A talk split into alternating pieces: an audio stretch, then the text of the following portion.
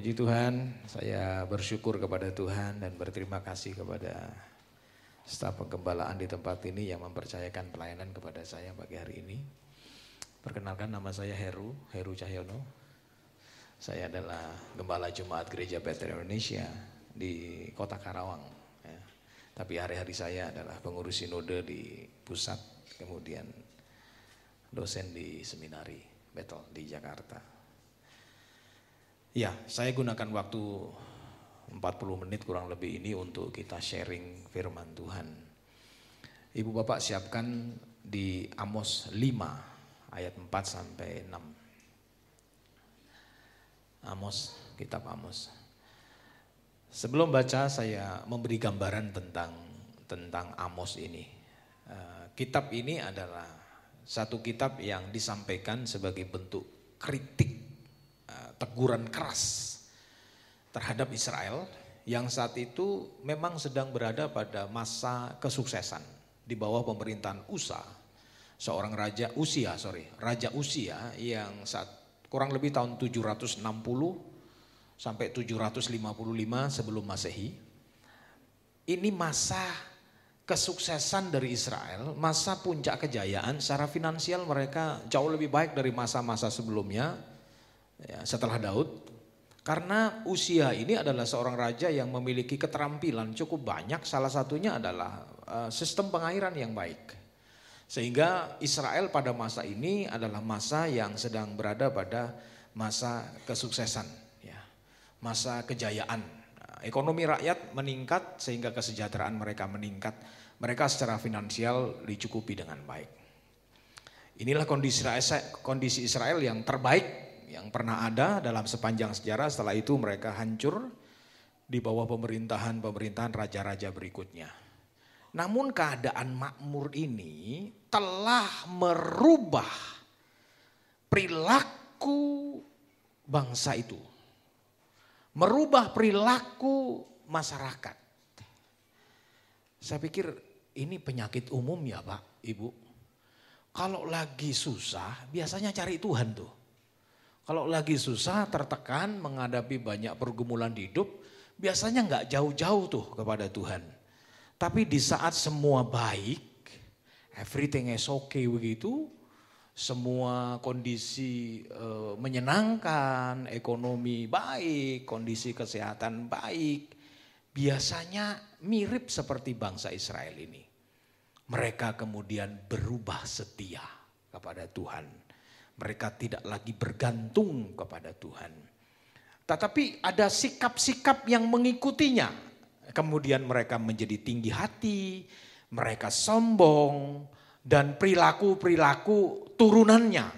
Seperti benar sendiri, menang sendiri, dan semena-mena. Itu yang dipraktekkan oleh pemimpin-pemimpin bangsa Israel di masa itu. Sehingga perilaku takut akan Tuhan tidak lagi ada di dalam kehidupan mereka. Lebih mengandalkan kekayaan, lebih mengandalkan kemakmuran, lebih mengandalkan kekuasaan ketimbang mengandalkan Tuhan. Saya bikin statement lagi. Ini perilaku umum. Tidak hanya terjadi di masa ini. Di masa lalu. Dan tidak pernah berubah juga sampai seterusnya gitu. Saya seorang gembala perilaku begini sering terlihat di dalam pengembalaan saya. Ada jemaat yang saya cerita seseorang, satu keluarga yang e, mengalami kesulitan ekonomi oleh karena e, usahanya e, bangkrut begitu. Saya lihat e, luar biasa perubahannya secara rohani terlihat, indikatornya itu sering ada di gereja, ibadah ikut semua, Hampir tidak ada ibadah-ibadah yang kategori terlewat, bahkan doa pagi juga hadir begitu. Ya gampang terlihat, ya gampang terlihat. Tapi kalau sudah sukses, dibesuk pun, aduh sore sibuk. Hah, begitu. Ya.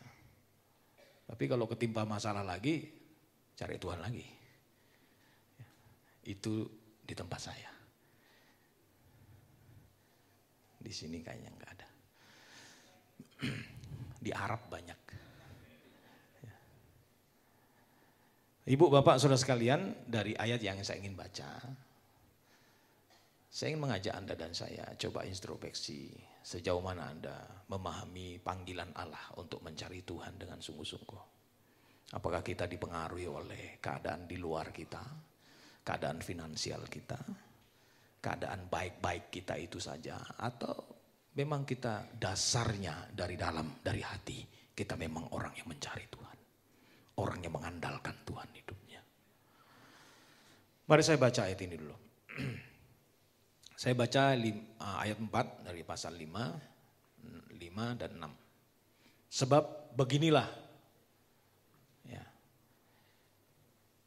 Firman Tuhan kepada kaum Israel, carilah aku maka kamu akan hidup. Jangankan janganlah kamu mencari Betel. Janganlah pergi ke Gilgal dan janganlah menyeberang ke Berseba Sebab Gilgal pasti masuk ke dalam pembuangan. Dari Betel akan lenyap. Carilah Tuhan, maka kamu akan hidup. Supaya ia supaya jangan ia memasuki keturunan Yusuf bagikan api yang memakannya habis dengan tidak ada yang memadamkan bagi Betel. Nah, inilah kondisi yang saya ceritakan tadi yang menyebabkan ayat ini kemudian disampaikan oleh Tuhan kepada bangsa Israel. Saya mengeksegesi ayat ini dulu ya, Bapak Ibu, saya bantu kita untuk memahami. Yang pertama saya mulai dari kata carilah Tuhan. Apa sebenarnya makna dari kata ini? Dalam leksikon, kata carilah ini punya beberapa arti. Tapi arti yang, coba ke, ke slide saya. Arti yang pertama dari kata carilah, ini adalah sebuah tindakan untuk mencari atau menemukan sesuatu hasil dari sebuah kehati-hatian. Gitu. Jadi mencari dengan hati-hati lah kira-kira seperti itu. Berarti memang klik ada panggilan di dalam mencari sesuatu dalam hal ini adalah objeknya Tuhan yang dicari supaya tidak sembarang mencari. Kira-kira seperti itu. Carilah di sini supaya Anda tidak sembarang mencari. Harus dengan cermat, harus dengan tepat. Apa artinya? Klik. Apa artinya? Artinya ternyata memang kemungkinan orang bisa salah cari. Sekarang ada banyak orang menawarkan diri, ada banyak agama menawarkan diri jalan menuju ke sorga. Ada banyak orang-orang mengklaim nabi, mengklaim orang yang bisa mengantar masuk ke sorga. Tapi dari mimbar ini saya katakan, hanya dialah yang bernama Yesus Kristus yang mampu menghantar saudara dan saya masuk dalam kerajaan sorga. Akulah jalan dan kebenaran dan hidup. Tak seorang pun sampai kepada Bapa kecuali melalui aku. Ibu Bapak, kalimat ini mungkin bagi Anda biasa. Tapi bagi saya tidak biasa. Kenapa? Kalau Anda pernah mengalami apa seperti saya alami di masa-masa lalu di mana saya tidak seperti Anda yang terlahir di dalam Kristen misalnya. Tapi bagi saya orang yang dari seberang sana, bagi saya yang tidak pernah mengenal Injil. Dari saya keluarga rumpun apalagi suku Madura kayak saya begini ya. Jadi Kristen tuh aneh. Itu sebabnya ketika saya percaya kepada Tuhan, tentu ini sesuatu perubahan yang besar sekali bagi saya. Dan saya memaknai kalimat saya tadi, carilah Tuhan, kamu akan hidup. Itu sesuatu yang besar sekali artinya bagi saya. Sebab dari kecil sudah didoktrin begitu rupa tentang konsep masuk surga itu seperti apa. Lantas berubah ketika percaya kepada Tuhan. Karena ternyata surga menuju kepada surga bukan hasil dari kuasa kita sendiri. Anda tidak bisa menjadi benar karena kita berusaha benar. Kita menjadi benar karena kita dibenarkan oleh Allah. Manusia ini berdosa dan telah kehilangan dos, kehilangan kemuliaan Allah. Sehingga apa pun kita buat sebenarnya tidak pernah mengangkat kita, mengantar kita menuju ke sorga. Tidak mungkin. Sambil contoh misalnya, sambil contoh. Dulu saya diajar begini. Tahapan menuju ke sorga itu berat di ujung paling terakhir itu adalah sebuah jembatan. Namanya jembatan Siratal Mustaqim. Anda tahu nggak? Itu jembatan bawah neraka, sono surga. Jembatan itu terbuat dari rambut di belah tujuh. Rambut di belah, ini kiai saya ngajar. Rambut di belah tujuh Pak. Jangankan rambut pak, bambu satu belum tentu lewat kita. Belum tentu lewat. Saya pernah pelayanan di satu di Toraja sana ke atas tuh ada satu jembatan di bawah sungai nggak terlalu dalam tapi jembatannya pakai bambu. Bambunya juga nggak satu, bambu tuh diikat empat kalau nggak salah, tapi agak lebar panjang itu. Ada teman saya pendeta ngerangkak pak lewat pak, nggak bisa takut dia. Itu bambu empat loh, bukan bambu satu. Lah ini rambut di belah tujuh, rambut pak, nih rambut nih. Saya khawatir kalau konsep teologi ini benar, yang masuk surga itu paling tukang sirkus doang tuh. Tidak ada yang masuk tuh. Ya siapa yang mau masuk? Gitu kan. Tapi saya bersyukur bersama orang Kristen yang lain yang ada di ruangan ini. Anda bisa masuk surga bukan karena kita. Tapi karena dia telah mati di atas surga itu. Dia mati di salib itu. Supaya saudara yang tidak benar menjadi benar karena pembenarannya. Itu yang saya maksud. Jangan salah cari. Carilah dengan hati-hati. Dan saya bersyukur bersama Anda karena Anda menemukan yang benar itu. Namanya adalah Tuhan Yesus Kristus. Carilah Tuhan, engkau akan hidup. Tuhan di sini bukan Tuhan sembarang. YHWH di sini yang kemudian diterjemahkan sebagai Tuhan Yesus Kristus. Kata cari juga Bapak Ibu, ini sebuah tindakan konsultasi sebenarnya. Jadi kata kata cari di situ carilah ini sebagai bentuk konsultatif sebenarnya. Sebuah tindakan bertanya-tanya. Carilah di sini membuktikan Anda dan saya lemah. Coba klik. Anda dan saya itu tidak paham. Anda dan saya ini buta. Anda dan saya penuh kekurangan. Kita semua punya kekurangan, punya kelemahan, tidak maha tahu. Sekarang kita mencari yang yang benar gitu. Tidak ada cara lain kecuali Anda bergantung kepada yang tahu supaya Anda yang tidak tahu mengerti apa yang ditahui.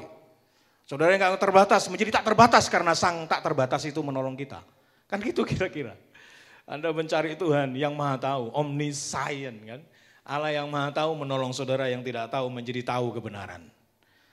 Allah menolong kita yang maha besar supaya saudara dan saya yang yang kecil ini bisa dibesarkan dalam kemuliaan Allah karena kemuliaannya.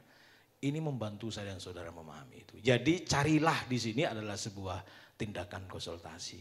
Maka sebagai orang benar ini ini refleksi anu ya uh, bagi kita.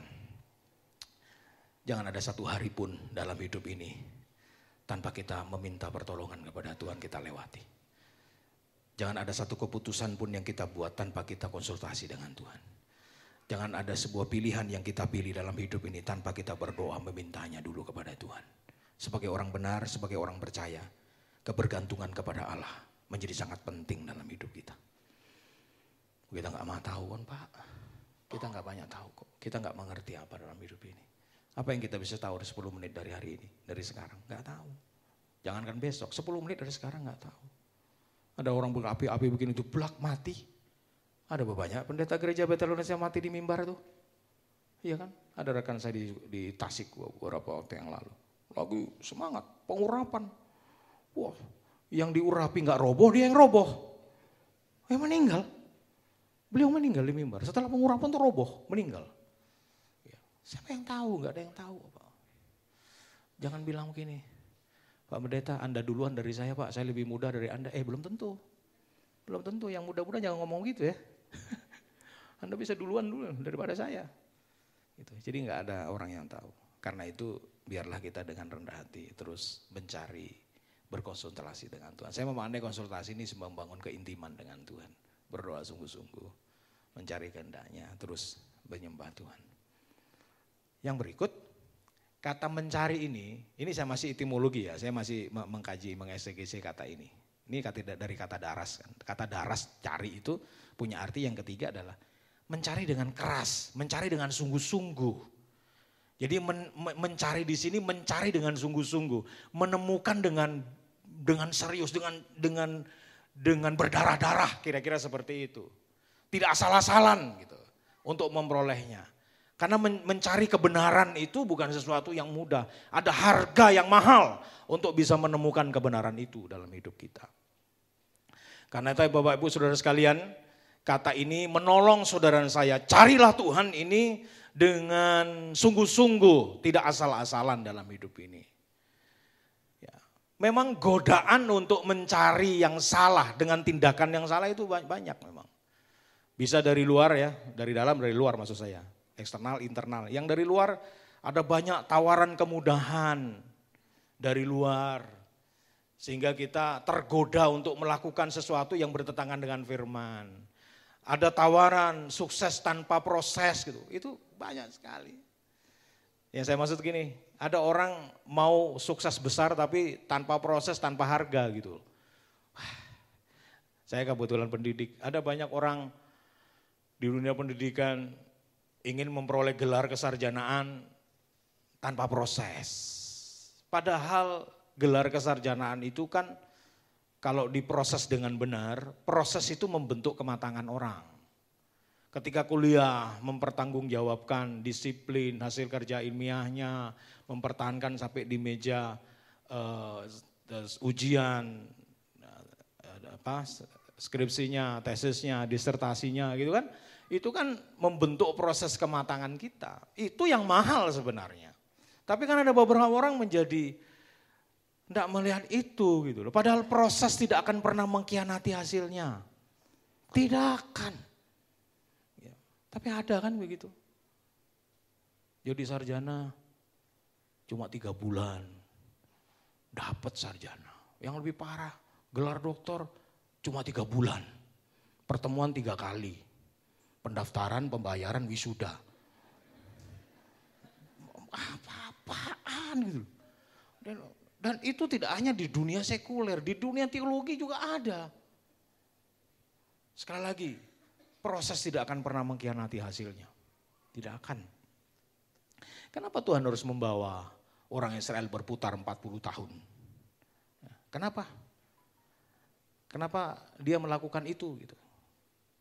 Karena Tuhan tidak mengedepankan gol. Dia lebih menghargai proses. Bukankah Tuhan bisa menarik garis lurus dari Goshen ke Kanaan yang mungkin bisa ditempuh hanya mungkin dua minggu saja, tapi berputar sampai 40 tahun. Karena dalam 40 tahun tuh Tuhan memproses bangsa itu. Sampai akhirnya dia keluar seperti emas yang murni memasuki kanan. Seperti itulah gambarannya lah dalam hidup ini. Tuhan kadang-kadang tidak mengizinkan kita langsung memperoleh golnya. Tapi diizinkan melalui proses. Dan proses ini kadang mengucurkan banyak air mata. Mencari Tuhan itu bukan hal yang mudah. Maka carilah Tuhan ada harganya pasti. Tapi yang melakukannya akan memperoleh hidup. Nah, itu kan jawabannya. Siapa yang melakukannya dengan sungguh-sungguh, dia akan memperoleh hidup. Itu itu etimologinya. Sekarang saya coba ke slide saya coba. Apa sebenarnya makna dari pencarian ini? Yang pertama, mencari di sini opsional. Pilihan. Carilah, katalah di sini mengindikasi tentang perintah yang diberikan kewenangan bagi kita untuk melakukannya. Mau dikerjakan silahkan. Anda menolak, ya monggo saja silahkan. Tidak ada yang melarang. Tapi ingat, semua pilihan kita akan menentukan jadi apa kita.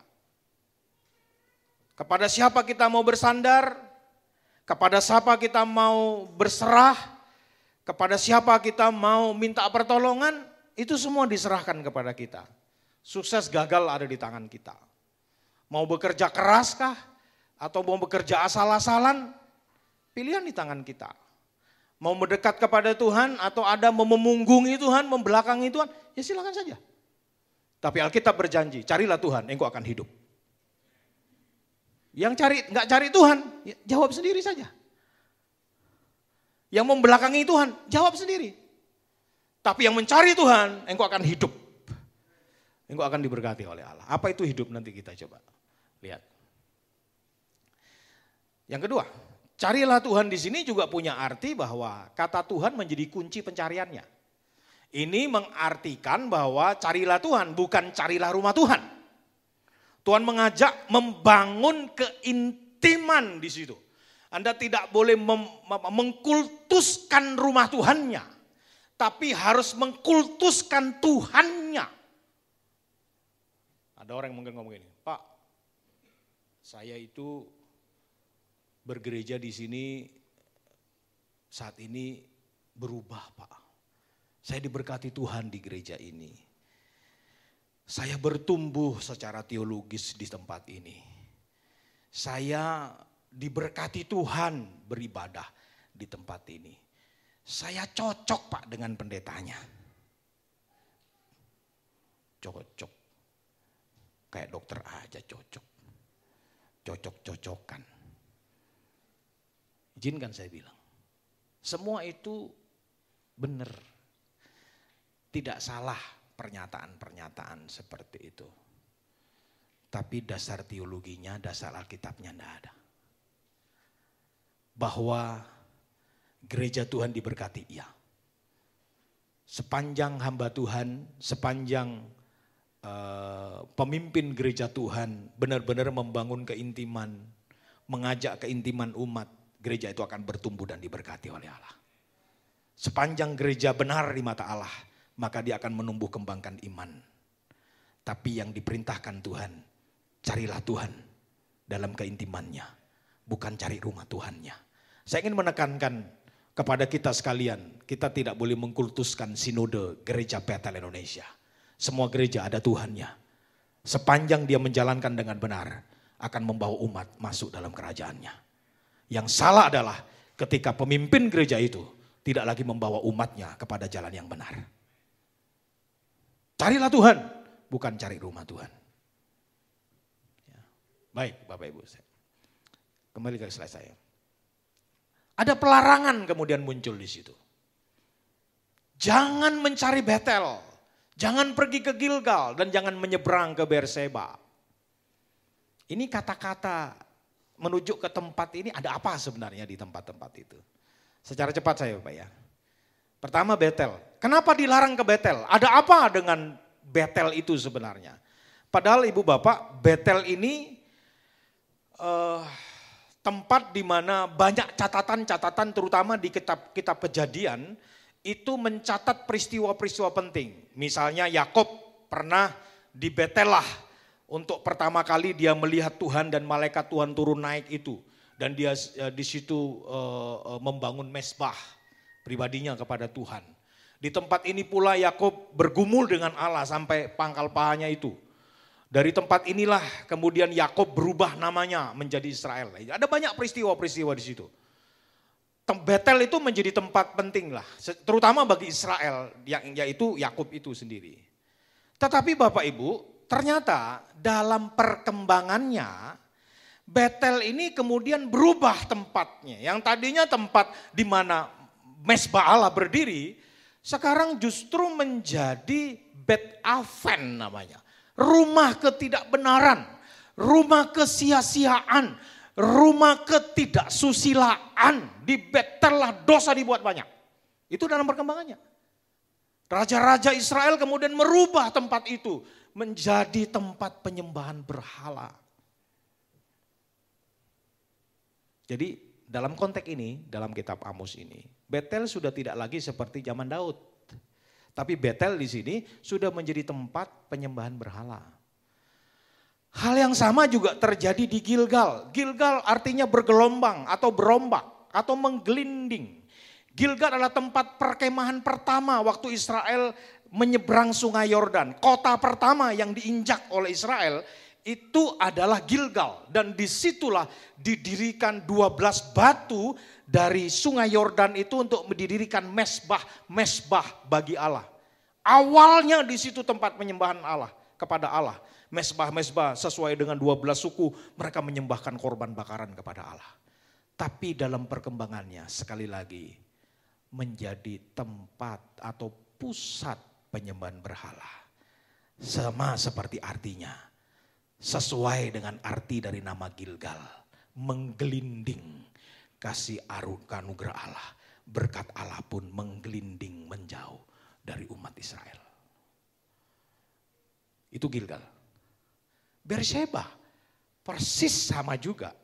Berseba ini juga menjadi tempat di mana orang-orang Israel itu juga me melakukan tindakan-tindakan penyembahan-penyembahan kepada berhala.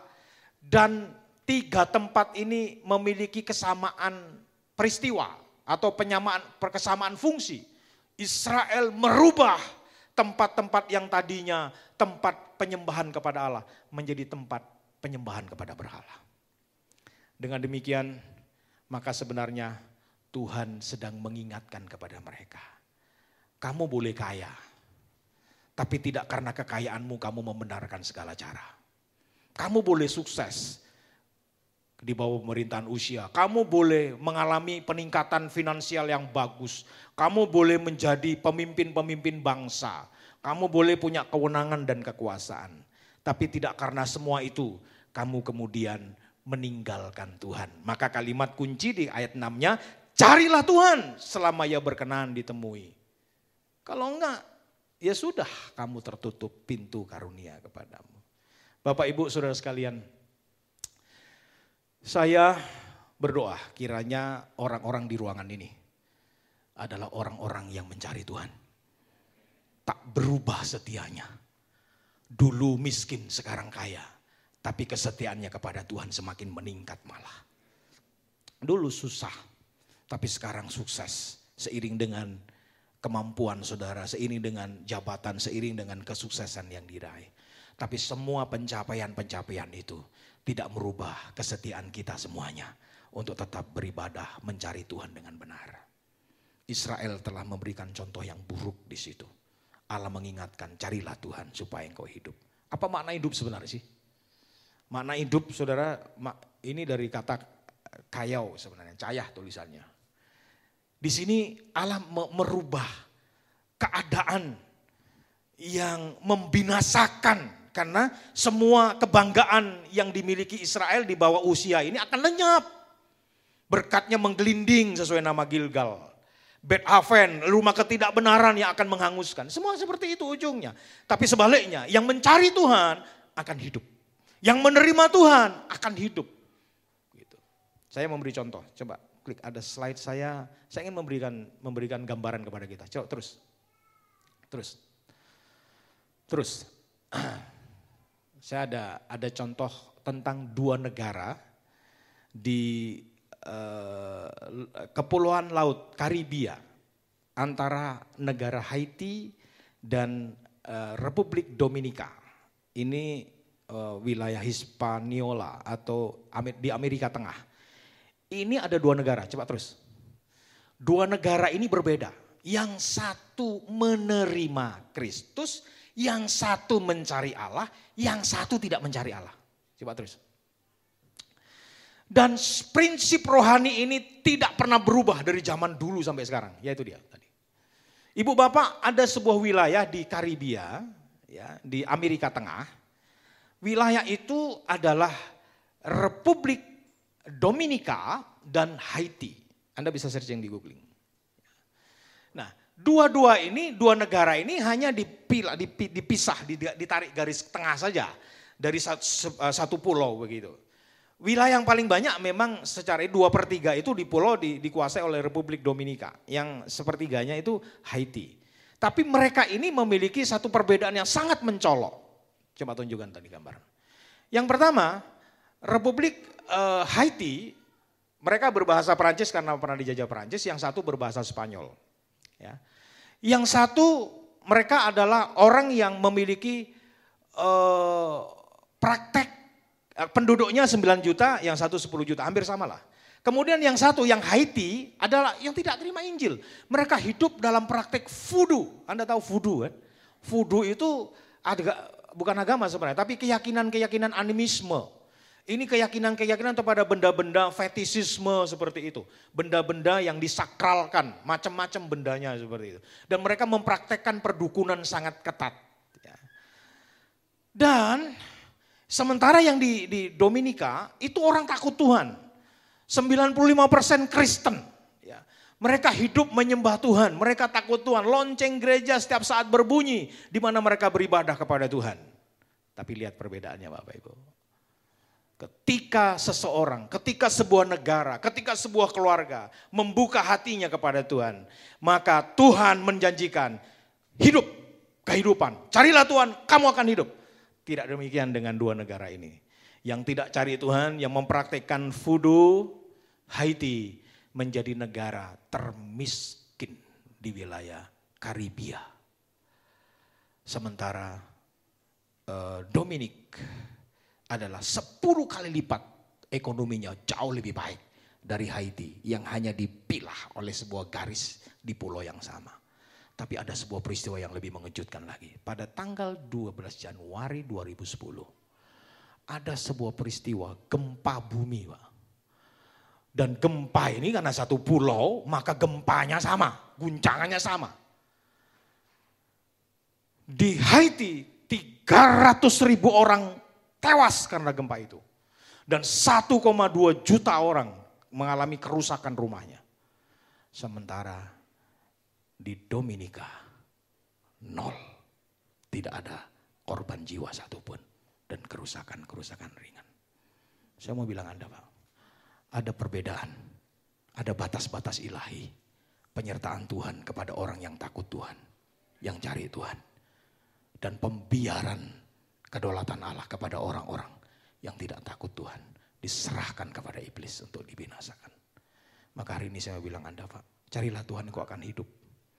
Carilah Tuhan yang kau akan hidup, yang kau akan diberkati oleh Tuhan. Ada satu lagi. Ada lain, ada lain, ada lain pulau lain. Yaitu Korea Utara dan Korea Selatan. Bisa bantu saya selatnya enggak? Di Korea Utara dan Korea Selatan. Ini ada ada perbedaan juga. Ini semenanjung Korea juga hanya ditarik batas begitu saja. Dan uh, Korea ini ada satu perbedaan. Yang Korea Utara tidak takut Tuhan, mayoritas ateis, mayoritas tidak percaya Tuhan. Tapi Korea Selatan, negara yang takut Tuhan, negara Kristen. Kita mengenal di Korea Selatan, ada lima gereja terbesar di dunia. Satu gereja terbesar yang uh, Pau Yong Gicho itu ya Yugido itu. Itu gereja terbesar. Tapi gereja kedua, gereja ketiga terbesar, gereja ketiga terbesar, gereja keempat terbesar, gereja lima terbesar di dunia ada di Korea Selatan. Artinya bahwa Korea Selatan memang menjadi negara Kristen yang hebat di sana. Ada kehidupan doa yang luar biasa. Sementara saudaranya di sebelah, Korea Utara, tidak percaya Tuhan. Ateis. Kita tahu bersama itu. Tahun 94 sampai 98 ada sebuah kelaparan yang membuat mereka mati sampai 3 juta orang. Miskin, TBC, malaria telah menewaskan jutaan orang. Coba nih, ini ada ada keterangan ini. Ya. Ini membuktikan ya, ada batas-batas kekuasaan ilahi kepada orang yang cari Tuhan, orang yang takut Tuhan. Ini negara, saya bilang kasih contoh, Haiti, Dominika, Korea Selatan, Korea Utara. Berlaku nggak secara personal, secara pribadi? Berlaku. Hal yang sama. Anda bisa googling. Ada keluarga Max Juk dengan Jonathan Edward. Di slide terakhir saya ada. Jonathan Edward adalah orang yang takut Tuhan. Hidup pada masa yang sama hampir 200 tahun yang lalu. Benjamin Franklin pernah meneliti, seorang akademisi, meneliti keluarga mereka dalam masa 200 tahun keturunan berikutnya.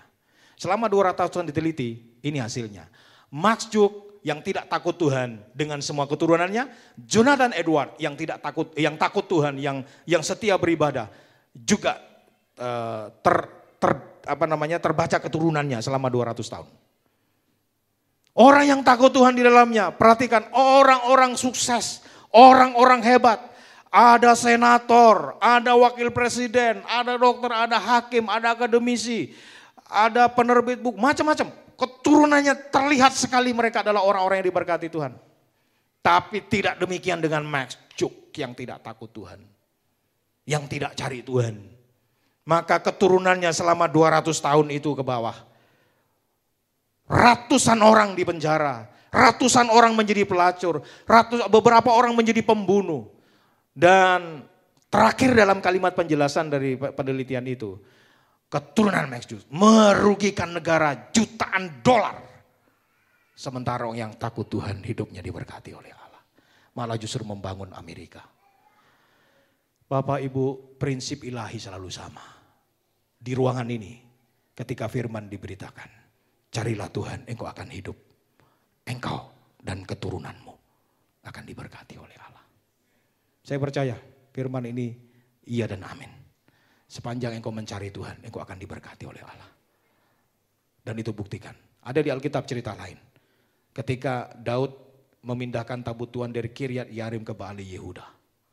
Di tengah jalan dia uh, memegang itu, Uya, Usa dan Ayu dan mati dan akhirnya rumah tabut Tuhan dipindahkan. Tinggal di satu rumah keluarga, yaitu Obed Edom. Anda tahu nggak cerita Obed Edom itu? Baca di Alkitab. Obed Edom dan keturunannya diberkati oleh Allah. Tinggal di bait suci sepanjang hidupnya. Alkitab mencatatnya. Padahal Obed Edom itu sebenarnya orang ya secara hierarkis sebenarnya nggak nggak termasuk karena dia tinggal di di di kalau kita di hutan lah kira-kira begitu. Dia bukan tinggal di Yerusalem, tetapi akhirnya diboyong oleh Allah pindah ke Yerusalem, tinggal di bait Allah. Dia dan keturunannya diberkati oleh Allah. Saya percaya di ruangan ini adalah orang-orang yang sedang mencari Tuhan. Dan nantikanlah pertolongan Tuhan akan nyata dalam hidupmu dan keturunanmu diberkati oleh Allah. Tuhan memberkati kita.